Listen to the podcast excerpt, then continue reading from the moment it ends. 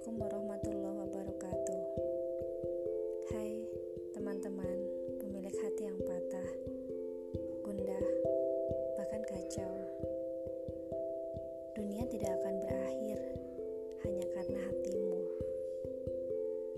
Jangan sia-siakan hidupmu hanya karena satu masalah yang membelenggu. Yakin saja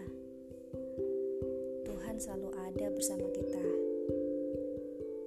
Tuhan selalu sayang sama kita. Saya akan berbagi banyak pengalaman,